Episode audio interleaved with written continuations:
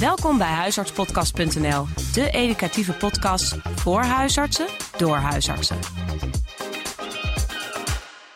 Welkom bij deze nieuwe podcast. Ik ben vandaag bij Petra Blommendaal. Zij is kaderhuisarts palliatieve zorg. Zij is ook consulent van het palliatieteam Midden-Nederland. En we gaan het vandaag hebben over palliatieve sedatie. Een lastig onderwerp waarbij we gaan bespreken van nou, wat is het nou? Uh, wat voor soorten sedatie zijn er? Wat zijn de indicaties? En ook hoe dan verder, hoe het op te starten en wat te doen met aanvullende maatregelen. Nou, we gaan het allemaal bespreken met uh, Petra Blommendaal. Bedankt dat we dit uh, zo samen kunnen doen. We beginnen ermee. Wat, ja, wat is het eigenlijk, palliatieve sedatie? Ja, palliatieve sedatie moet je zien als een soort noodmaatregel die je kunt nemen als je een patiënt in de stervensfase niet comfortabel kunt krijgen met de normale behandelingen. Als je, ondanks alles wat je doet aan je normale arsenaal, toch merkt dat de patiënt blijft lijden door bijvoorbeeld ernstige verwardheid of ernstige kortademigheid of welk ander symptoom dan ook maar. Dan kan je als een soort laatste redmiddel zeggen van nou, het lukt me niet meer om dat symptoom voldoende te behandelen. Weet je wat, ik ga de patiënt iets geven dat hij suffer wordt, mogelijk in slaap raakt. En dat laatste stukje van zijn leven, die laatste uren, laatste 1, 2, 3 dagen, niet meer zal bewust meemaakt, in ieder geval niet meer lijdt. En dan heb je het dus eigenlijk over de refractaire symptomen. Klopt. Dus... Symptomen die je op de normale manier niet meer behandeld krijgt, of niet voldoende snel behandeld krijgt. je kunt ook soms een behandeling bedenken die nog uh, heel lang zou duren. En dat is natuurlijk dan geen optie. Hè. Het moet gaan dat je, dat je iemand in korte tijd comfortabel kunt krijgen op de normale manier. En zo niet, hè, als dat niet lukt, dan heb je, is er sprake van een refractair symptoom. En het gaat erom dat je dat kunt toepassen, die palidosedatie, in de laatste fase van iemands leven, in de stervensfase. In de richtlijn staat 1 tot maximaal 2 weken.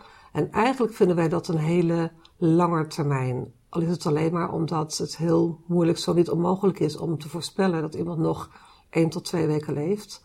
we zeggen, we kunnen wel voorspellen met z'n allen dat iemand echt in die laatste fase zit, die laatste 1, 2, 3 dagen. Dat is een herkenbare fase. Um, sowieso is 1 tot 2 weken best lang, ook om andere redenen. Je zult merken als je iemand uh, een week gestudeerd laat zijn, dat iedereen daar heel erg uitgeput van raakte, ook de familie. Uh, dat het ook kan dat mensen weer wennen aan de medicijnen en er weer doorheen gaan breken. Um, in feite is het onwenselijk om een sedatie langer te laten duren dan 1, 2, 3 dagen. En soms zet je het ook pas in in de laatste uren. Het gaat erom dat iemand echt zichtbaar in de stervensfase is. En hoe zie je dat? Um, vaak dat mensen niet meer, uh, niet meer eten, niet meer drinken, niet meer of nauwelijks plassen, bedlegerig zijn, zich vaak al wat, wat in zichzelf terugtrekken. Die stervensfase is voor ons allemaal wel herkenbaar. Er zijn natuurlijk wat misverstanden rond sedatie, met name ook bij patiënten, bij familieleden, soms ook wel eens bij artsen, denk ik. Bijvoorbeeld in het ziekenhuis hoor je wel eens dat er toch iets over uitgelegd wordt waarvan wij denken van dat is toch niet helemaal um, handig om het zo te vertellen. Het is in ieder geval niet um, een alternatief voor euthanasie. Het is niet zo van u kunt kiezen voor euthanasie, maar u kunt ook kiezen voor palliatieve sedatie. Zo werkt het niet. Euthanasie is iets uh, uh, wat de patiënt kan vragen en waar je als arts al of niet aan wilt meewerken. Is bedoeld om het leven te beëindigen vanwege ondraaglijk lijden. Palliatieve sedatie is daar niet voor bedoeld. Het is niet bedoeld om het leven te verkorten of te beëindigen. Is bedoeld om het lijden te verminderen in het allerlaatste stukje. En is iets wat je als arts indiceert. Waarvan je als arts zegt van dit lijkt me nu de meest aangewezen weg. En vervolgens, wat je uiteraard zult bespreken met je patiënt. En als dat niet meer lukt, bespreken met de familie van de patiënt. En als dat ook niet zou lukken, zou je het zelfs gewoon mogen toepassen als je daar echt een indicatie voor ziet. Totaal wat anders dus dan euthanasie. En we zien soms dat familieleden of patiënten het meer zien als een keuze voor het een of voor het ander. En dat proberen we altijd wel weer zo te vertellen dat dat, dat niet klopt. En hoe vertel je dat dan aan de patiënt? Dat kan soms lastig zijn als mensen daar toch een bepaalde verwachting van hebben ik probeer te vertellen dat, um, dat sedatie is iets wat we doen als een soort noodmaatregel. Als het zo is dat iemand, in, hè, als het sterven heel dichtbij is, toch blijft lijden en dat dat niet op een andere manier te behandelen valt, dat we dan dat lijden op die manier kunnen begeleiden door iemand uh, slaapmedicatie toe te passen, waardoor iemand suffer, slaveriger wordt en minder ervaart van dat lijden. Maar dat het niet iets is wat de patiënt kan kiezen op het moment dat hij of zij dat zou willen. Hè? Dat daar, als, hij, hè, als mensen het lijden genoeg vinden en ermee willen stoppen, dat daar euthanasie voor bedoeld is. Zijn er in het advanced care gesprek over palliatieve sedatie, zijn er nog meer dingen die je vertelt aan de patiënt hierover? Natuurlijk zul je over palliatieve sedatie uitleg geven als er vragen over zijn, maar ik zou er ook met name zelf mee komen als ik merk dat mensen angstig zijn voor het sterven zelf. Soms hebben mensen daar ook nare beelden of herinneringen van familieleden voor. En als dat speelt, kun je het uitleggen dat dit een mogelijkheid is die je hebt als blijkt dat iemand inderdaad in de stervensfase niet comfortabel is. dat, dat we deze mogelijkheid hebben. En dan nogmaals niet als een keuze zozeer voor de patiënt, maar als iets wat de arts in zijn arsenaal heeft om in te zetten. Dus eigenlijk dat je het als dokter iemand het vertrouwen geeft van stel dat er dingen gaan spelen waardoor u erg oncomfortabel wordt, dan kan ik dit, dan kan ik dit doen. Dan zorg ik ervoor dat er rust is, dat u dat niet meer meemaakt. Ja, en met de toevoeging, op het moment dat het sterven heel dichtbij is, hè, dat u echt in die fase bent dat, het, dat u bijna gaat overlijden. Ja. We hadden het al over de voorwaarden 1 tot 2 weken. Dat vind je zelf vrij lang, dus dat is beter om dat uh, nou ja, over twee of drie dagen te hebben. Zijn er nog andere voorwaarden aan palliatieve sedatie? Nou, als we het hebben over de continue sedatie, er zijn ook andere vormen, maar de continue sedatie waarmee je bedoelt sedatie die doorgaat tot iemand gaat overlijden, is inderdaad, die, zijn er maar twee voorwaarden. Dat is het refractaire symptoom aan de ene kant en de, de fase waar je het toepast aan de andere kant. En dan zeggen wij van het moet gaan om iemand in de stervensfase, waarvan je klinisch ziet dat hij dat aan het overlijden is. Hè, dat dat maximaal enkele dagen uh, weg is. Ja. We hebben nu gesproken over wat is het. Um, en uh, je begon al over continu versus intermitterende sedatie. Wat voor soorten sedatie zijn er? Je hebt de, de continue sedatie, en dat is hetgene waar we meestal aan denken als we het daarover hebben. Dat, is dat je op een bepaald moment echt zegt van nou, dit is toch te belastend voor de patiënt. Het lukt maar niet om, om die verwardheid of wat dan ook voldoende te, onder controle te krijgen. vanaf nu ga ik de patiënt, en als die daarmee instemt, slaapmedicatie geven. Dat hij de laatste uren, laatste dagen veel minder bewust meemaakt en dat lijden vermindert. Dat is, en dat, daar gaan we mee door tot iemand overleden is. Dat is de continue sedatie. Je kunt het ook, en dat mag je al wel eerder inzetten. Dat kan ook als iemand nog wel langer te leven heeft, een aantal weken of zo. Je kunt het ook af en toe inzetten. Uh, dat noemen we dan de intermitterende sedatie. Um, dat betekent in feite dat je iemand voor een aantal uren um, sedeert. En dat gebeurt vaak in de nachtelijke uren, als iemand onrustige nachten heeft. Als je iemand bijvoorbeeld uh, met een pomp in de nacht uh, sederende medicatie geeft en die overdag gewoon weer uitzet. Hè, dat hij een aantal uren, s'nachts in ieder geval, een goede nacht kan maken. Um, maar het kan ook wel eens soms overdag toegepast worden. Uh, je kunt het doen als een soort time-out. Stel dat iemand af en toe toch heel erg oncomfortabel is vanwege bepaalde pijnklachten die, die, die, die op kunnen spelen. Dat je iemand ook de mogelijkheid kunt, kan geven van, nou, op het moment dat het echt even niet lukt, dat het te veel is, dan mag je behalve de medicatie tegen de pijn ook even iets vragen. Of, of dat kun je ook aanbieden in een hospice of zo. Dat, dat iemand een paar uur kan, kan slapen. Dat iemand een paar uur even kan, tot rust kan komen. En daarna weer meer energie heeft om de situatie weer aan te kunnen. Ja. Dat is ook een manier.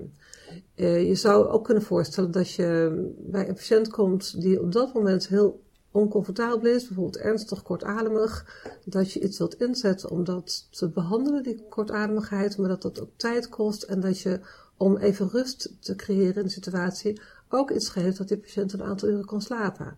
Daarmee tijdgevend om het symptoom zelf te behandelen, tot de morfine gaat werken bijvoorbeeld, ook even rust te creëren in het systeem, dat iedereen even op adem kan komen van, hé, gelukkig, er is even rust gecreëerd en tijd voor jezelf om na te denken over de volgende stappen. Je hebt het daarbij over een pomp om dat te gebruiken. Mm Is, het, uh, is dat ook niet een handig moment om dan juist gewoon een, een injectie te geven? Ja, voor die, de intermitterende sedatie gebruik je lang niet altijd een pomp. Hè? Als het gedurende de nacht, gedurende een aantal uren is, zou een pomp zeker voordelen kunnen hebben. Maar als het gaat over een, een, een, periode van een paar uur, dan is het natuurlijk gewoon een eenmalige toediening prima. En wat we dan heel vaak doen, is iemand wel een subcutaan naaldje geven, waardoor je gemakkelijk subcutane medicatie kan toedienen. Iemand niet steeds hoeft geprikt te worden. Maar dan heb je natuurlijk geen pomp daarvoor nodig. Maar dan de nachtelijke toediening, dat duurt dan zo lang dat, uh, dat daar het handig voor is om een pomp te starten? Houdt ook vanaf waar. Kijk, als je in een instelling werkt waar zorg is, dan is een pomp heel vaak niet nodig. Hè? Dan kan je ook afspreken dat iemand om de drie of om de vier uur medicatie krijgt toegediend via het naaldje. Als iemand in een thuissituatie is, is een pomp vaak wel handig. Hè? Zeker als er geen zorg aanwezig is. Deze toedieningsvormen, uh, er zijn er nog meer van. Je hebt ook mm -hmm. nog uh, buiten, want we denken altijd aan midazolam uh, subcutaan. Um, er zijn ook nog andere toedieningsvormen, zoals diazepam rectaal of lorazepam sublinguaal. Ja, ja, die staan in de richtlijn en worden in de praktijk nauwelijks gebruikt. Um, ik kan me voorstellen dat je het uh, als nood, noodmaatregel gebruikt als er echt geen zorg is die subcutaan kan toedienen. Maar het is natuurlijk qua resorptie onregelmatiger. Het is om praktische redenen toch, toch lastig. Het enige voordeel is dat het misschien gemakkelijker is om door familieleden te laten geven. in plaats van, van een injectie. Op het moment dat er van tevoren al heel vaak dormicum gegeven is of midazolam gegeven is, maakt dat dan nog uit voor de sedatie die je, de echte palliatieve sedatie die je in een later stadium in moet zetten? Ja, als iemand om wat voor reden ook heel veel benzodiazepine gebruikt heeft, dat kan ook zijn om andere reden, kan het zomaar zijn dat iemand daar minder gevoelig voor is. En dat je daar rekening mee houdt met je schema. Dat je bijvoorbeeld ofwel meteen hoger gaat doseren, ofwel al heel snel een tweede middel erbij kiest. Omdat je al denkt dat die benzo's misschien niet uh, meteen goed aanslaan. Hm. Maar het intermitterende zou je iemand niet onthouden om later de palliatieve sedatie beter te laten werken? Nee, nee dat, je moet het niet gedurende maandenlang doen. Hè? Nee. Maar als het gaat over een aantal weken, is dat, is dat prima te doen. Ja. We hadden het erover hoe leid je zo'n uh, uh, zo'n palliatieve sedatie in? Of hoe, hoe vertel je erover van tevoren? Um, maar hoe pak je het dan aan op het moment dat, dat je het echt gaat inzetten? Wat ga je dan vertellen aan de familie? Ik zou zeggen dat mijn voorstel is om iemand uh, versuffende medicatie te gaan geven. En ook steeds, de hele tijd. Omdat ik zie dat iemand toch ja, niet prettig erbij ligt en niet, niet comfortabel is. Dat iemand last blijft houden van dingen. En dat het mij niet lukt om het op een andere manier voldoende te bestrijden. Ik zou vragen of de patiënt en de familie het daarmee eens is. Het kan ook zijn dat mensen dat toch geen fijn idee vinden. Het is bekend dat bijvoorbeeld uh, vaak mensen met een islamitische achtergrond uh, heel erg hecht aan het helder zijn op het moment van het overlijden. Dus dan natuurlijk moet je het wel overleggen, moet je het vragen. Ik zou dan zeggen, het doel van die toediening van die medicijnen is dat iemand uh, minder gaat lijden, dat iemand comfortabeler wordt. En het kan zijn dat dat, dat doel al bereikt wordt door iemand wat suffer te laten zijn, waardoor die wat, wat, wat regelmatig wat wegzakt, maar af en toe ook weer even contact kan maken. En dat het ook kan zijn dat het zodanig uitpakt dat iemand toch eigenlijk echt in slaap raakt en in slaap is. Maar ik zou wel met name uitleggen dat diepe slaap niet per se het doel is, maar dat het doel is comfort. En dat het ook niet erg is als iemand af en toe weer even aan de oppervlakte komt en misschien weer even oogcontact kan maken of nog een paar woorden kan zeggen. Dat het misschien zelfs wel fijn is voor de familie om weer eventjes dat contact te hebben, al is dat nog maar zo meer. ook omdat het het, het waken, zeg maar, dan, dan makkelijker vol te houden is misschien. Hè? Als je dat, uh, maar dat, dat dat niet erg is, zolang iemand comfortabel lijkt. Ja. En wat leg je aan de patiënt en de familie uit verder, wat ze kunnen verwachten? Ik zou wel uitleggen dat alles wat ze nog tegen elkaar willen zeggen, dat ze dat nu doen. Omdat je niet weet of ze daarna nog die kans krijgen. Hè? Nogmaals, het is niet uitgesloten dat iemand nog weer even kan communiceren, maar dat zal dan altijd beperkt zijn. Dus je wilt wel dat de dingen afgerond zijn voor die tijd. Um, ik zal uitleggen dat ik verwacht dat het sterven niet meer heel ver is. Uh, maar zoals dat altijd doe je dat wel voorzichtig. Ik zal ook uitleggen dat de sedatie op zich niet maakt dat iemand sneller gaat overlijden. Um, dat iemand op zijn eigen tijd aan de ziekte overlijdt als hij daaraan toe is. Maar als je het op een goed moment inzet, verwacht je dus wel dat dat binnen een paar dagen gaat gebeuren. Ik zal ook voor de zekerheid uitleggen dat het kan zijn, omdat iemand natuurlijk al heel slecht is en in die stervensfase, dat iemand kort na de sedatie overlijdt. Je kunt ook nooit helemaal uitsluiten dat je toch met sedatie toch net een klein zetje geeft, waardoor het wellicht toch iets sneller gebeurt. Niet dat dat de bedoeling is, maar het, het zou kunnen. Dus ik bereid mensen daar wel op voor. Dat is ook wel een van de redenen waarom je bij een start van de sedatie als arts zelf aanwezig moet zijn en zelf die eerste dosis hoort te geven, of er in ieder geval bij hoort te zijn. En dat kan ook, dat laatste, door bijvoorbeeld zelf eerst een bolus te geven, vaak is dat 10 milligram midazolam, en dan daarna de pomp te laten aansluiten. En als dan nog daar een 1 of 2 uur tussen zit, hoef je niet te wachten tot die pomp komt, als je zelf die eerste dosis dan maar gegeven hebt. En leg je nog uit over uh, dat de patiënt ja, uh, kan gaan reutelen, dat dat niet per se... Ja, dat zijn dingen die je natuurlijk eigenlijk altijd wel in, in iemand in de stervensfase uitlegt. Hè? Wat, wat, hoe dat eruit ziet als iemand gaat overlijden. Er zijn ook goede folders van die je ook, nadat je het hebt uitgelegd, nog kunt geven aan mensen om nog door te lezen. En daar bespreek je in hoe het eruit ziet als iemand gaat sterven. Ook problemen als, of, of dingen die anders kunnen worden. Hè? Dat reutelen bij de ademhaling, de Churn-Stokes ademhaling... Um, dat mensen daarop voorbereid zijn. Maar dat doe je niet alleen maar bij iemand die gesedeerd wordt, maar sowieso bij iemand die gaat sterven. Ja. Ik vraag ook vaak van, heeft u eerder een overlijden meegemaakt? En hoe kijkt u er tegenaan om daarbij te zijn? Hoe is dat voor u? Ja. Die folder kunnen we ook vinden op de site van... Ja, op de IKNL-site onder andere. Ja, folder stervensfase en dan heb je het uh, te pakken. Nou ja. En dan, hoe ga je het aanpakken? Wat ga je doen? Um, voor zover dat nog niet gebeurd is, kijk je of er nog medicijnen zijn. Uh, bijna altijd kun je vrijwel alles stoppen. Er zijn een paar soorten medicijnen die je wel moet doorgeven. Dat zijn enerzijds de medicijnen tegen pijn en anderzijds de medicijnen die bedoeld zijn om, het, eventueel delier te behandelen. Die moet je doorgeven. Uiteraard kan dat niet meer door te slikken, dus dat zal parentraal moeten. Um, vaak is het zo dat iemand in deze fase al uh, niet meer allerlei orale medicatie heeft, maar dat zul je dus naar moeten kijken. Um, betekent dat je, als iemand een fentanylpleister gebruikt als pijnmedicatie, kan het gewoon doorgaan. Maar stel dat iemand toch nog orale pijnstillers zou hebben, moet je dat omzetten in een andere toedieningsvorm. En dat zal dan ook vaak een pomp zijn met morfine subcutaan. Um, als iemand bijvoorbeeld Haldol of een andere antipsychoticum gebruikt voor een delier, zal je dat ook moeten doorgeven. Dat kan je ook prima subcutaan geven. Hoeft ook niet in een pomp, dat kan gewoon met een één of twee keer dagelijkse toediening gebeuren. En er zijn nog een paar soorten medicatie waar je over zou kunnen nadenken. Een van de dingen waar je dan nog over zou kunnen twijfelen is bijvoorbeeld dexamethason. In principe kan je dat over het algemeen ook stoppen als iemand echt in de laatste fase zit, omdat het een vrij lange halfwaardetijd heeft en langzaam uit het lichaam verdwijnt.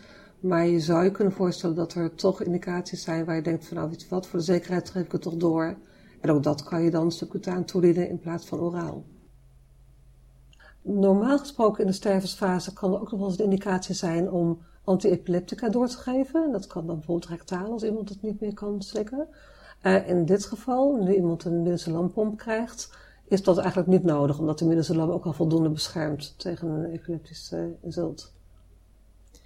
En je had het over haldol doorgeven, morfine doorgeven um, uh, en dan een uh, midazolam over een naaldje. Mm -hmm. dan gaat de thuiszorg wel stijgen en die willen dan eigenlijk het liefst drie velindernaaltjes hebben om alles apart te kunnen geven. Wat zou je daarmee doen? Oké, nee, op zich uh, hoeft dat niet. Vrijwel alles kan via hetzelfde naaldje. Um, er zijn wel eens middelen waarbij je het wel prettig vindt om het even door te spuiten, zoals bij dexamethason, maar dat is een kwestie van even doorspuiten met een beetje, fysiologisch zout. Maar dan kan je gewoon daarvoor één naaldje gebruiken. Meestal is dat het meest praktische om dan aan de ene kant een pomp te hebben voor de middensalam en aan de andere kant gewoon een vlindernaaldje voor de andere middelen die je intermediërend toedient. Morfine zou je natuurlijk eventueel ook nog in een pomp kunnen doen. Dan kom je op twee pompen uit. Heel soms geeft dat financiële problemen met de verzekering. Uh, nou, als dat zo is, kan je het ook intermitterend toedienen. Ja, maar twee naaldjes voor twee pompen is wel handig om de doseringen goed te houden bij uh, eventueel. Ja, je, je, je, je, zou het farmacologisch gesproken bijvoorbeeld morfine en midazolam in één uh, cassetten kunnen mengen. Maar dat is in de praktijk niet, niet praktisch, niet handig. Hè? Dan kan je niet los van elkaar verhogen, ja. bolussen en dergelijke. Dus dat zou ik nooit voor kiezen. En hoe weet je nou of de pijnmedicatie nog goed is? Of hou je gewoon aan, ik geef wat er gegeven werd en dat blijft stabiel. En als er dan onrust is, geef ik meer midazolam. Dat, dat kan soms lastig zijn als een patiënt in de stervensfase onrustig is om te ontdekken van wat is het nu? En um, te hoge dosis opiaten kan natuurlijk ook alweer onrust veroorzaken. En het is bekend dat iemand die niet meer drinkt, de nierfunctie achteruit gaat. Morfine kan dan gaan stapelen. Dus soms is het helemaal niet verstandig om bij onrust de morfine te verhogen. Maar soms kan het een reden zijn om juist te verlagen. Maar dat zijn, kunnen lastige puzzels zijn. Ja. En is het dan te simpel gezegd om dan maar de midazolam te verhogen? Als iemand tijdens sedatie onrustig is, zul je natuurlijk altijd eerst de vraag stellen: hoe komt dat? Komt er, is er iets bij wat ik nog kan behandelen? En als je echt de indruk hebt dat iemand pijnlijk is, zul je daar natuurlijk naar kijken. Maar als dat niet lukt, is de volgende stap natuurlijk om de middelste te verhogen. Ja. We hebben het nu over co-medicatie gehad. Als het alleen over de sedatie gaat, dan starten we met midazolam. Je begint vaak met 1 of 2 milligram midazolam per uur te geven, met af en toe een bolus. Zeker als je verhoogt, geef je ook altijd een bolus. Je zou volgens het schema tot 20 milligram midazolam per uur kunnen gaan. En als dat dan toch nog steeds niet afdoende werkt, kan je voor een tweede middel kiezen, het middel levomepromazine. In de nieuwere inzichten is dat je dat soms ook al eerder geeft. Hè? Dat je niet per se altijd hoeft te wachten tot je aan je maximale dosering van je midazolam zit. Maar dat er redenen kunnen zijn om ook al eerder met levomepromazine te, te beginnen ernaast. Ernaast. geeft het als tweede middel dan. Het kan soms zelfs zijn dat je start met, met een halve ampul levomepromazine als daar een reden voor is. En dat spelen met het, eh, met het schema, het wat minder rigide toepassen van het schema, dat is iets wat, wat in de latere richtlijnen ook wel wat meer naar voren komt. Maar dat is ook iets waar je toch een bepaalde ervaring voor moet hebben. Dus dat is ook een, kan ook een reden zijn om als het niet goed werkt, als het niet makkelijk verloopt, de sedatie, om toch altijd met iemand te overleggen die het vaak gedaan heeft. Uh, zeg dus een palliatieteam of een kaderarts. Er is nog een derde middel, uh, de propofol, maar dat is een middel wat wij als huisartsen in de thuissituatie eigenlijk nooit toepassen. Hè. Dat is ook niet veilig om in de thuissituatie, dat zou hoger dan het ziekenhuis kunnen. En dat wordt in de praktijk ook nauwelijks gebruikt. Staat ook in de richtlijn, of in ieder geval in de oudere richtlijn, dat daar de anesthesist voor in consult gevraagd moet worden. Dus dat gebeurt ook altijd in het ziekenhuis? Ja, dat gebeurt alleen in het ziekenhuis. En omdat je natuurlijk nooit een terminale zieke patiënt wilt verplaatsen, is dat iets wat eigenlijk nauwelijks of niet gebeurt. Ja. Ik heb het ook in al die jaren dat ik consulent ben nog maar één keer meegemaakt dat je met stap 1 en stap 2 niet uitkomt. En je sprak over uh, als er toch blijvende onrust is, dat je dan verder moet kijken hè, wat, er dan, uh, wat er dan kan spelen. Um, bijvoorbeeld een, eh, een urineretentie, die kan op dat moment er natuurlijk zijn. Maar het is ook niet altijd geïndiceerd om een katheter te plaatsen bij, als iemand in de laatste paar dagen is. Of is dat wel zo? Ja, in principe plaats je altijd een katheter. Dat kan je doen voor je start met de sedatie of als iemand al gesedeerd is, net na de start. Ik zou het dan wel overleggen met iemand, dat iemand dat weet dat dat gaat gebeuren. Um, de enige uitzondering is als je echt zeker weet dat iemand geen urine meer produceert. Maar dan moet je echt wel zeker weten dat hij echt anuris is en dat er niet toevallig een retentie speelt natuurlijk. Uiteraard, een retentie kan heel veel onrust en pijn veroorzaken, dus dat wil je voorkomen. Hetzelfde geldt een beetje voor als iemand toch uh, last zou hebben van obstipatie. Mensen met opiaten zijn natuurlijk het risk voor obstipatie, kunnen natuurlijk geen orale laxantia meer gebruiken. Je hoeft niet standaard rectaal te laxeren, maar wees er wel bedacht op. En als je denkt dat obstipatie mogelijk een rol speelt en onrust geeft, zou ik toch zeker ook een klisma overwegen. Iets anders is nog als er sprake zou kunnen zijn van onthouding van dingen. Dan denk ik het meest aan onthouding van, van nicotine. Iemand die straf gerookt heeft, zou je kunnen overwegen om nog een nicotinepleister te plakken. Om onthoudingsverschijnselen en daardoor onrust door de nicotine te voorkomen. Ik heb zelf ook eens gehad dat ehm, eh, het uiteindelijk gewoon heel moeilijk was dat het, dat het slaagde. Of met andere palliatieve vragen dat ik daarmee zat. En heb ik het um, consultatieteam gevraagd. En dat is mij echt heel goed bevallen toen de tijd. Uh, ze hielpen me echt die, die casus door. Ik vond het heel leerzaam. Dus ik zou dat ook aan willen raden aan iedereen om dat te doen op het moment dat je, dat je hierin vastloopt. En kan jij daar, want je zit zelf ook, je bent ook consulent in het palliatieteam Midden-Nederland. Kan je daar zelf wat over vertellen? Ja, wij zijn als team dag en nacht bereikbaar. Um, sinds kort is er voor de nachtelijke uren een landelijk team. Maar voor de rest zijn wij als team um, van 8 uur s morgens tot 11 uur s avonds bereikbaar. Ook tijdens uh, zon- en feestdagen. Uh, en dat geldt ook voor andere delen van Nederland. Um, wij werken met meerdere disciplines. Kaderhuisartsen, kader specialist oudergeneeskunde, een oncoloog, een anesthesioloog pijnbestrijder en een aantal gespecialiseerde verpleegkundigen. Daarnaast nog een psychiater, een apotheker met heel veel verstand van uh, palliatieve medicatie, palliatieve zorg. En zelfs nog een, een arts gehandicaptenzorg. Dus wij kunnen multidisciplinair uh, kijken naar vragen. We hebben ook altijd met z'n tweeën dienst om zoveel mogelijk uh, deskundigheid samen te krijgen. Um, je kunt ons bellen voor allerlei problemen in de palliatieve fase. En die palliatieve fase is natuurlijk langer dan de sterfsfase. Gaat ook niet alleen maar over oncologie, kan ook gaan over met, met, met hartfalen, met nierfalen, met, met dementie, noem het maar op. Um, en wij krijgen in de praktijk ook best veel vragen over palliatieve sedatie. En dan kan het gaan over de indicatie, het moment van starten, um, de, de, de, praktische uitvoering, als het inderdaad niet makkelijk gaat, als er problemen zijn. Dat is, staat in onze top 10 van vragen waar wij vaak over uh, geconsulteerd worden. En ook logisch, hè? palliatieve sedatie is normaal medisch handelen, maar tegelijkertijd iets wat je niet heel vaak zult doen. En toch kan het een vrij ingewikkelde handeling zijn. Dus het is goed dat je dat wel kunt doen als, als, als, als huisarts, maar dat je tegelijkertijd altijd een specialist eh, bereikbaar hebt om mee te denken als dat wenselijk en nodig is. Nou, dat is heel fijn om te weten.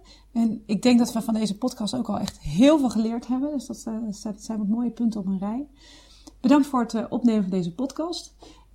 Zijn er nog wat laatste take-home messages die je mee wil geven aan de luisteraar? Ja, palliatieve sedatie kan een goed middel zijn om mensen in die laatste stervensfase comfort te geven. Um, maar breng het niet zo makkelijk als, als een keuze voor de, voor de patiënt van u kunt ook kiezen voor. Dat geeft heel veel verwarring en verkeerde verwachtingen. Hartelijk dank. Graag gedaan. Bedankt voor het luisteren. Bekijk ook onze website op huisartspodcast.nl. Voor vragen of suggesties kun je mailen naar huisartspodcast.gmail.com. Tot de volgende keer.